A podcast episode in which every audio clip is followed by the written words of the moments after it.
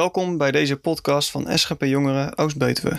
In deze aflevering van de serie over woningbouw zal een van onze commissieleden in gesprek gaan met een belanghebbende op het gebied van woningbouw. In deze serie komen verschillende kanten van het onderwerp aan bod: de politiek, de woningzoekende en van alles daartussenin. Veel luisterplezier. Welkom bij weer een uh, nieuwe podcastaflevering over woningbouw. En uh, vandaag zijn we op bezoek bij uh, Martijn Karens van Karens Vastgoed uit op Heusden. Martijn, welkom. Dankjewel. allereerst, kan je jezelf voorstellen? Zeker. Leuk dat jullie hier zijn, een podcast op te nemen. Dank voor de uitnodiging. Ik ben inderdaad, zoals je al zei, Martijn Karens van Karens Vastgoed. We hebben een makelaarskantoor in Opheusden. We zijn actief hier in de omliggende dorpjes. Ik ben zelf 27 jaar recent uh, de studie afgerond, registermakelaar. Misschien wel leuk om even te vertellen het ontstaan van Karens Vastgoed. Een kantoor uh, inmiddels al ruim 20 jaar actief hier uh, in Opheuzen dan. Vader is er destijds mee begonnen. Hij heeft vanuit de jaren in, bij de bank, de Rabobank gewerkt. Als hypotheekadviseur. Toen een overstap gemaakt naar de makelaardij. Mm. En vrij snel is mijn broer René er ook mee gaan helpen aan het kantoor. En nu, ruim zeven jaar, ben ik ook uh, binnen het kantoor werkzaam. En elke dag met veel plezier. Ja. En uh, wat voor werkzaamheden doe je voornamelijk uh, op kantoor en dergelijke? Ja, dat is, dat is heel afwisselend. Dat is denk ik wel kenmerkend voor, voor een baan als, als makelaar. Dat elke dag is wel anders. Dat maakt het ook heel leuk. ik kom natuurlijk heel veel bij mensen over de vloer. Dus dat, een kijkje achter de deur bij mensen. elk, elke ja, woning verkopen en alles wat erbij is ook weer anders. Ik bedoel, de een die doet het uh, omdat hij het leuk vindt en een volgende stap. Uh, ja, bij de ander is de reden weer wat minder leuk. Uh, soms hebben mensen 50, 60 jaar in een woning gewoond, heel veel meegemaakt. Dus het is veel meer dan alleen ja, stenen en een hoop emotie ook, zeg maar. Dus dat maakt wel heel leuk. Maar het is, het is heel variërend. Je hebt natuurlijk, de ene keer zet je een bord en de andere keer ben je weer juridisch bezig met een koopovereenkomst. Uh, onderhandelen is ook een heel leuk stukje natuurlijk uh, als makelaar. Je bent eigenlijk een beetje de verbindende schakel tussen ja, twee mensen eigenlijk. Hè. En zijn soms tussen mens en wens, zeg maar. Daar probeer je dan uh, mensen zo goed mogelijk bij te helpen. Bij best wel een hele grote stap in het leven van mensen. Dus dat is wel leuk om daar... onderdeel bij, uit te mogen om bij te leven. Ja, precies.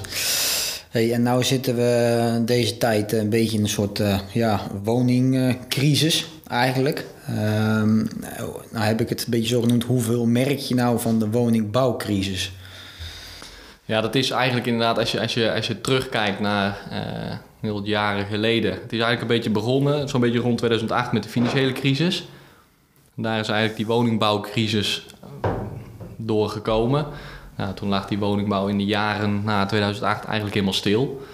Nou, nu is het natuurlijk echt een woningnood. Er is, is veel meer vraag dan dat er aanbod is. Dat is denk ik wel een beetje een gevolg van die woningbouwcrisis. Doordat er toen zo weinig huizen zijn gebouwd, is er nu een tekort van, ik meen, een, 300.000 woningen. En ja, je hoort het overal en eerder in de, in de podcast uh, werd het ook al wel gezegd: bouwen, bouwen, bouwen. Hè. Dat is een beetje het, het, het, slogan wat je nu veel hoort. Nou, dat is zeker nodig met zo'n tekort. Uh, en doordat er inderdaad zo'n krapte is op dit moment, heb je natuurlijk die enorme prijsontwikkeling van de laatste jaren. Dus ik denk dat je daarin met name de gevolgen, om terug te komen op je vraag, uh, van die woningbouwcrisis ziet. Zijn er nog uh, meer factoren buiten vraag en aanbod die ervoor zorgen dat de prijzen stijgen? Ja, nou ja, dat zo hebben we dat vroeger inderdaad wel geleerd op school. Hè? Vraag en aanbod, dat bepaalt de prijs. Dat, dat is nog steeds zo en dat zie je dus ook nu, wat, wat ik noemde inderdaad, dat die vraag nu zoveel groter is dan het aanbod.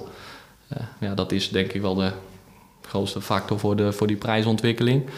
Daarnaast wat ook wel meespeelt en wat belangrijk is, is de hypotheekrente. Die is natuurlijk historisch laag geweest en nog steeds. Ja.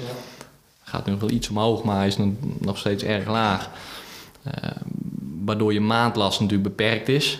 En, en, en mensen meer een hogere leencapaciteit hadden, zeg maar, en, en, dus meer kunnen. Um, daarnaast werd het dus ook voor meer mensen mogelijk om een volgende stap te zetten. En uh, soms zelfs dus naar een grotere en, en soms ook duurdere woning, maar een lagere maandlast. En dat zorgde dus voor ook dat je veel meer mensen die ja, gingen wisselen en naar een volgende woning gingen verhuizen. Um, wordt ook wel gesproken over, eh, dat hoor je nog hier inderdaad, dat, dat beleggers, dat dat ook een invloed heeft op de, op de prijzen van woningen. Eh, het kadaster, las ik, heeft een, een onderzoek gedaan naar eh, de invloed daarvan op de huizenprijzen. Die blijkt beperkt te zijn. Eh, zeker in de huidige markt, waar, waar het eigenlijk bijna altijd wel nodig is om boven de vraagprijs te bieden, wil je kans maken. Ja, dan bied je in veel gevallen meer dan dat het eigenlijk waard is. Eh, dat doen beleggers meestal niet aan mee. Dus de invloed daarvan is eigenlijk redelijk beperkt.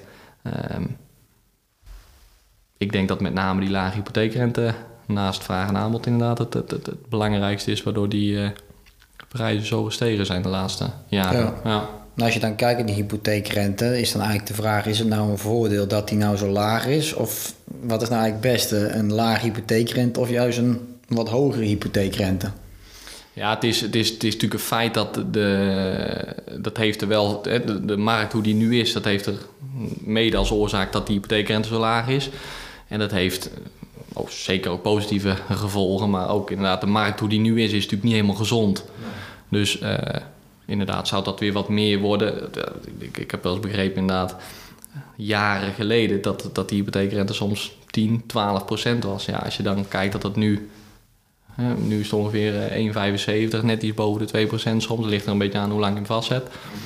Maar eh, het zou misschien wel gezonder zijn als die weer ietsjes omhoog gaat, inderdaad. Ja.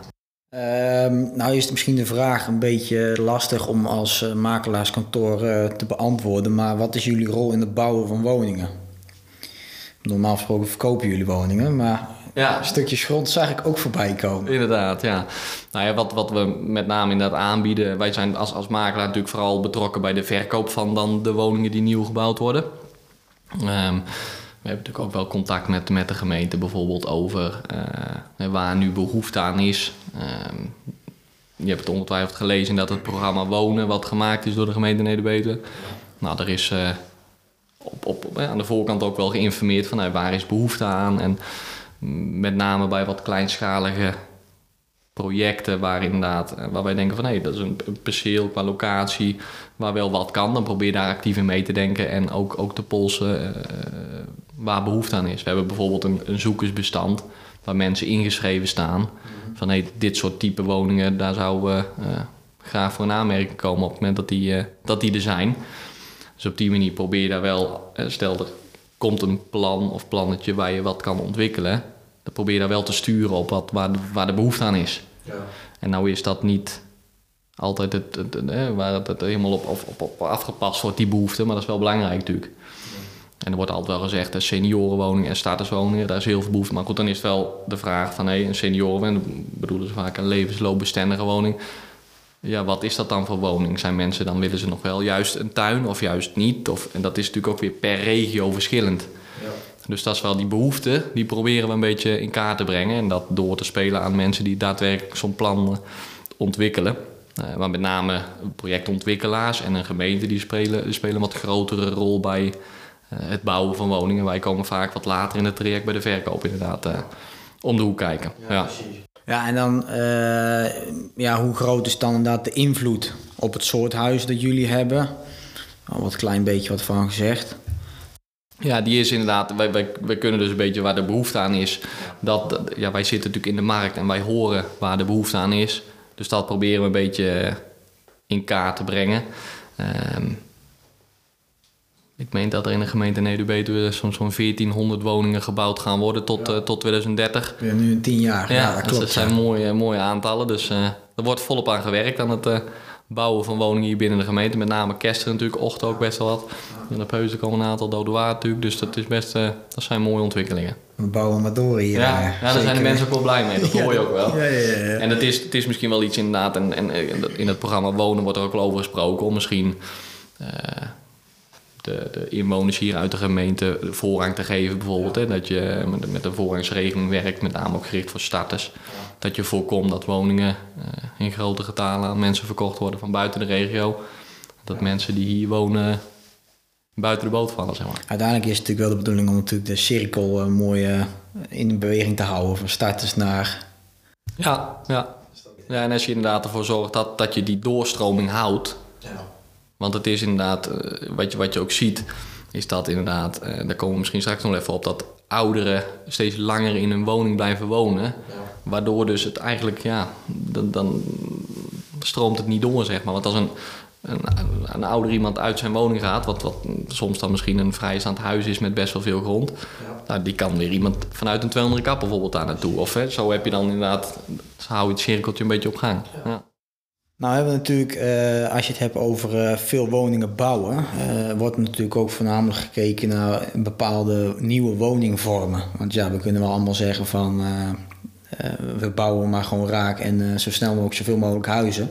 Als je een beetje kijkt naar ja, het, huizen die je, nou, laat ik zeggen, 20, 30 jaar geleden bouwden qua huis, hoe groot, de grond eromheen. En je ziet nu bijvoorbeeld naar het Kasterhoven, is dat vergeleken met een oud gedeelte van bijvoorbeeld Kesteren, is dat echt een wereld van verschil. Ja. Ehm, eh, hoe denken jullie daarover na, over de nieuwe woningvormen die nou uh, ja, voorbij komen?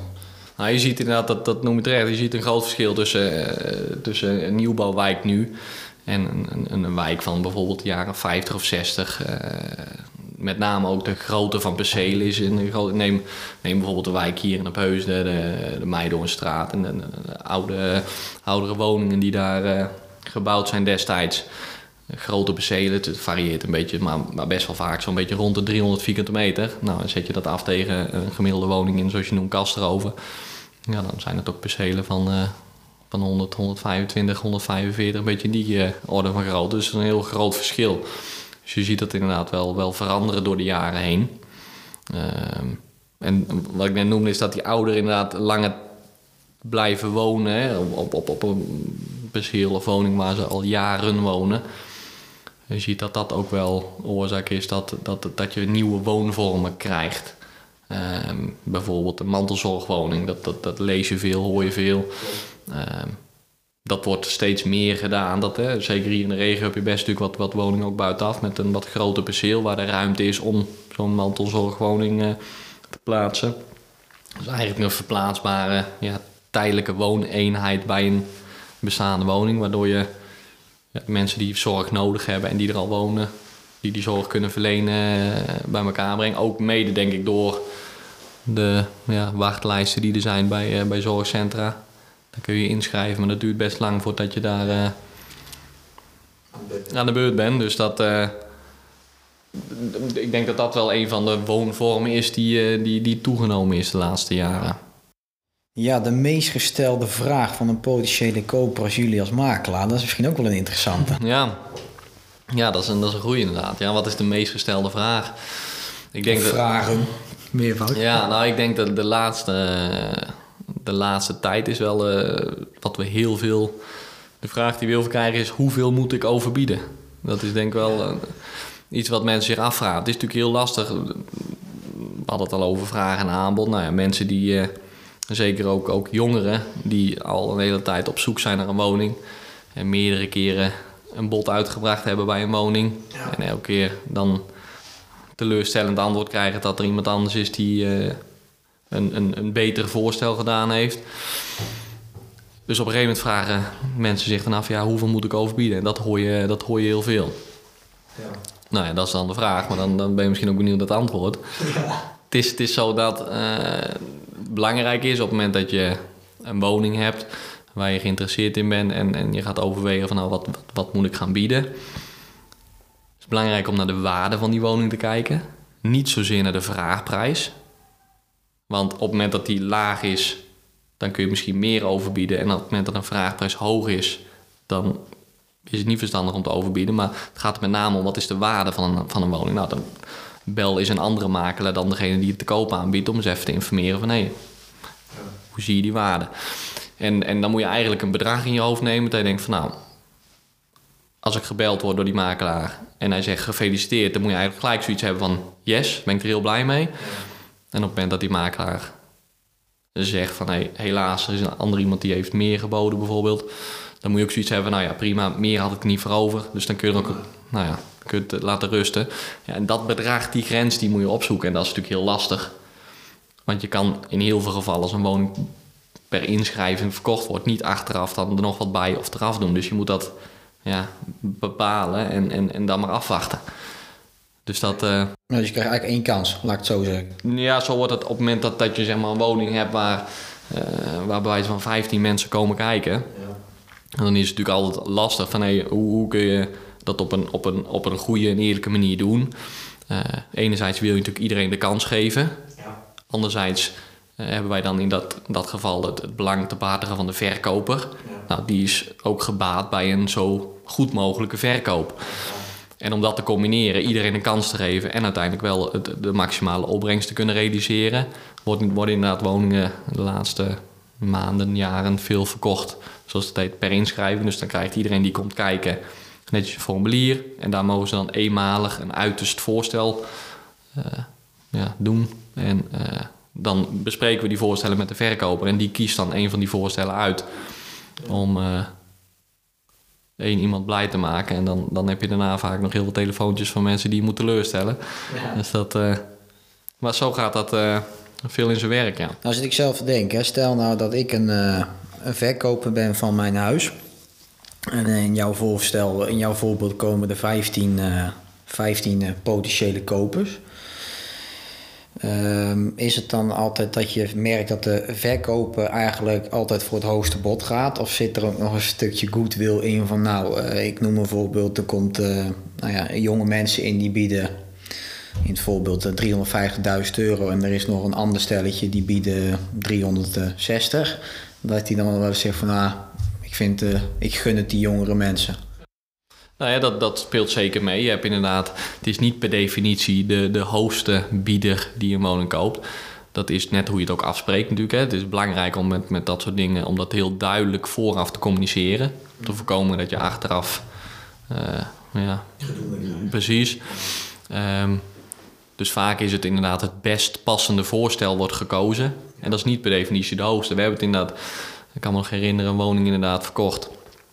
Die werd uiteindelijk verkocht aan, uh, aan, aan, aan, mensen waarvan de voorouders eigenlijk in die, die, die woning gewoond hadden. Nou, daar hadden de verkopers echt wel een beetje een speciaal gevoel bij. Dat ze dachten van ja, dat we zouden het heel mooi vinden als die mensen hè, in, in lijn van vorige generaties weer in die woning komen wonen. Ja, dan waren er meerdere andere partijen die aanzienlijk, en dan hebben we het niet over 2 of 3000 euro, maar echt, echt een flink bedrag daarboven uh, geboden hadden. En toch kozen die verkopers ervoor om ja, eigenlijk dat bijzondere verhaal, zeg maar, uh, daar kozen ze voor. Dus dat, dat, dat gebeurt zeker. Praktijk is wel dat, dat in de meeste gevallen een verkoper wel kiest voor het, het, het, het, hoogste voorstel.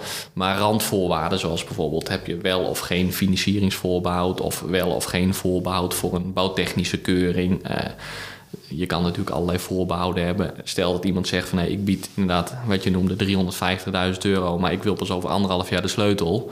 Terwijl die verkoper zegt van ja, ik wil liever wel over twee maanden mijn huis. Ja, daar kan dat ook meespelen. Dus het, het, het eigenlijk moet zo samengevat zien bedrag is het belangrijkst, maar de randvoorwaarden die doen ook zeker mee. Ja, hoe kijk jij nu naar de huidige woningmarkt? Uh, of uh, eigenlijk naar de, voor de komende maanden? Wat is uh, de toekomst? Hoe ziet die eruit? Ja, we kwamen er net al even op die hypotheekrente die wat, wat stijgt. dat heeft natuurlijk invloed op de leencapaciteit van, van, van potentiële kopers.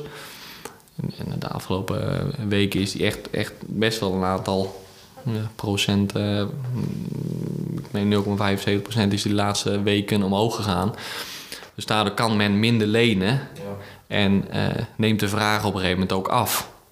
Van iemand die, die, die, die hè, twee maanden geleden nog wel een woning van een x-bedrag kon kopen, kan dat nu met de huidige rente niet meer.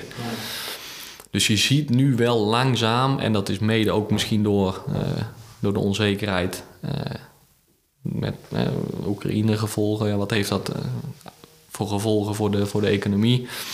Uh, dat mensen ook wel wat, wat voorzichtig zijn, wat terughoudend. Het is de vraag of dat, of dat doorzet de komende maanden. Of dat die hypotheekrente verder gaat stijgen. Of dat die op dit niveau blijft.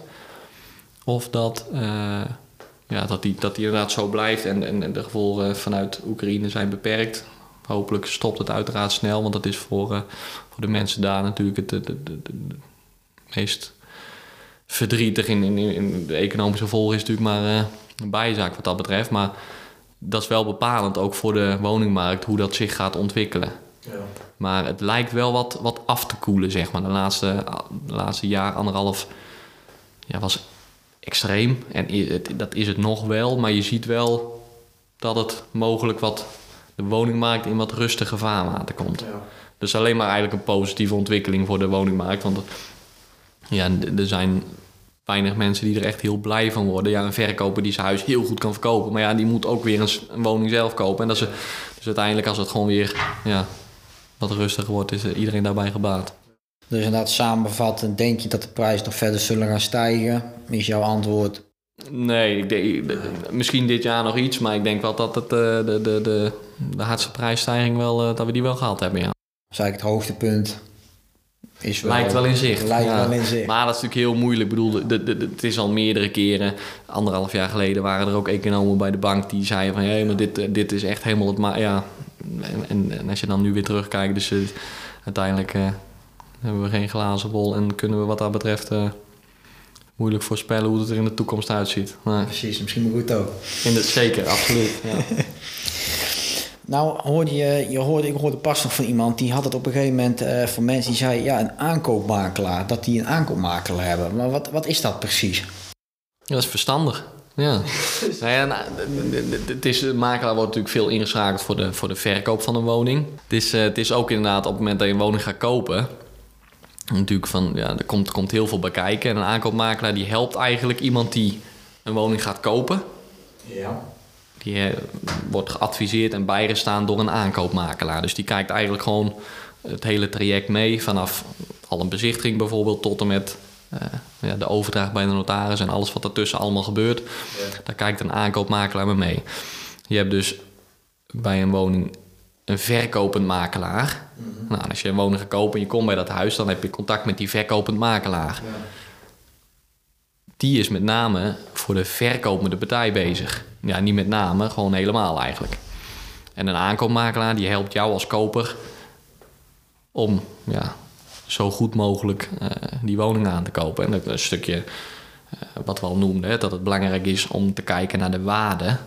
Nou, dat is dat als, als, als leek zo gezegd, heb je daar altijd wel een beetje. Hè? Mensen die weten altijd een beetje van, dit is veel te veel, het is veel te weinig. Maar om dat ook te onderbouwen en goed, een goed, goed advies te kunnen geven van, hey, wat is een woning waard? Daar kunnen wij dan een, een stukje in adviseren. Of ja, niet wij, maar er zijn heel veel makelaars die dat kunnen. Dus dat is heel verstandig om daar inderdaad eh, ja, advies voor in te winnen. En dat, dat is dus met name wat een aankoopmakelaar doet. Ja.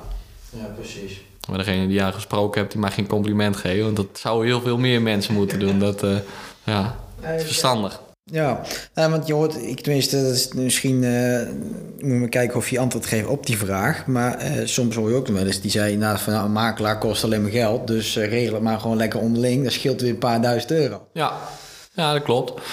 En zeker ook de laatste, laatste tijd is dat misschien meer geworden. Omdat ja, een koper vinden voor je huis... Is niet moeilijk. Nee, ik bedoel, zet het op je WhatsApp-status of, of eh, op Sociale deze... media, Ja, ja. precies. En, en een koper vind je wel. Alleen is het natuurlijk ook eh, de vraag, vind je ook dan de beste koper? Hè, met, met, het, met het beste voorstel, we noemen dat prijs, maar je hebt ook allerlei randvoorwaarden wat van belang is. En op het moment dat je een woning uitgebreid presenteert op een funda en, en, en een website van een, van een makelaar, dan bereik je een veel breder publiek. En dan weet je achteraf met meer zekerheid dat je ook echt de beste koper hebt gevonden. Dus, dus, dus ja, ik denk zeker dat de makelaar wel toegevoegde waarde heeft. Maar goed, dat, eh, dat is mis- misschien een klein beetje eigen beleid. Maar dat, ik, denk wel, ik denk wel oprecht dat de makelaar veel toevoegt. En mensen hebben soms vooraf niet helemaal het, het, het, het, het inzicht van ja, wat komt er allemaal bij kijken. Eh, en gaandeweg het traject horen we best wel vaak van... poeh, we zijn blij dat we jullie ingeschakeld hebben... want er komt al best wel veel bekijken. Dus dat... eh, maar inderdaad, ja.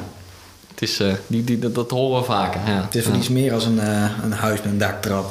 ja, dat absoluut. Ja. Ja, dan hebben we natuurlijk, eh, wij als SGP Jongeren hebben natuurlijk jongeren als doelgroep. Ehm, en, wat wil je de jongeren en in het bijzonder diegenen die een huis zoeken meegeven? ja, dat is een goede vraag. Ik, ik, ik, ik zou de jongeren mee willen geven... in, de, in de zoektocht naar een woning... bel gewoon eens een makelaar en vraag gewoon eens van... Hey, hoe gaat het in zijn werk? Eh, wat moet ik doen eh, als ik bij een huis ga kijken? Waar moet ik op letten? Stel die vragen gewoon eens, bel gewoon eens. En, en, en, en, bespreek dat eens met een makelaar... die eh, ja, een beetje op weg kan helpen in de zoektocht naar een woning. Ehm, wat ook belangrijk is, is, is doe goed je huiswerk. Dat je weet van hey, wat, wat zijn financieel de mogelijkheden. Voordat je bij een woning gaat kijken, dat je gewoon weet van hé, hey, dit kunnen we. Dat je dat goed van tevoren. En ook wat, wat hè, als je een woning voor een x-bedrag koopt, wat dan je, hoe je financiële plaatje er dan uitziet. Dat zijn wel dingen die moet je op voorhand goed, uh, goed helder hebben. Dus zorg dat je dat uitgezocht hebt. Ik denk dat dat uh, goed is om dat te doen. Zeker weten. Martijn, ik wil je hartelijk bedanken voor het mooie verhaal, uitgebreide antwoorden. En ik hoop dat we er, ik denk dat we er zeker wat aan gehad hebben. Graag gedaan, ik vond het leuk, leuk om te doen. Dan zijn er vragen van jongeren, dan Kunnen staan we voor ze klaar. Ja. Precies. Dat was hem weer, deze aflevering van onze serie over woningbouw. Vergeet niet om deze te delen en ons te volgen op onze sociale media, Facebook en Instagram. Als je nog geen lid bent van SGP Jongeren, word dat dan. Bedankt voor het luisteren en tot de volgende keer.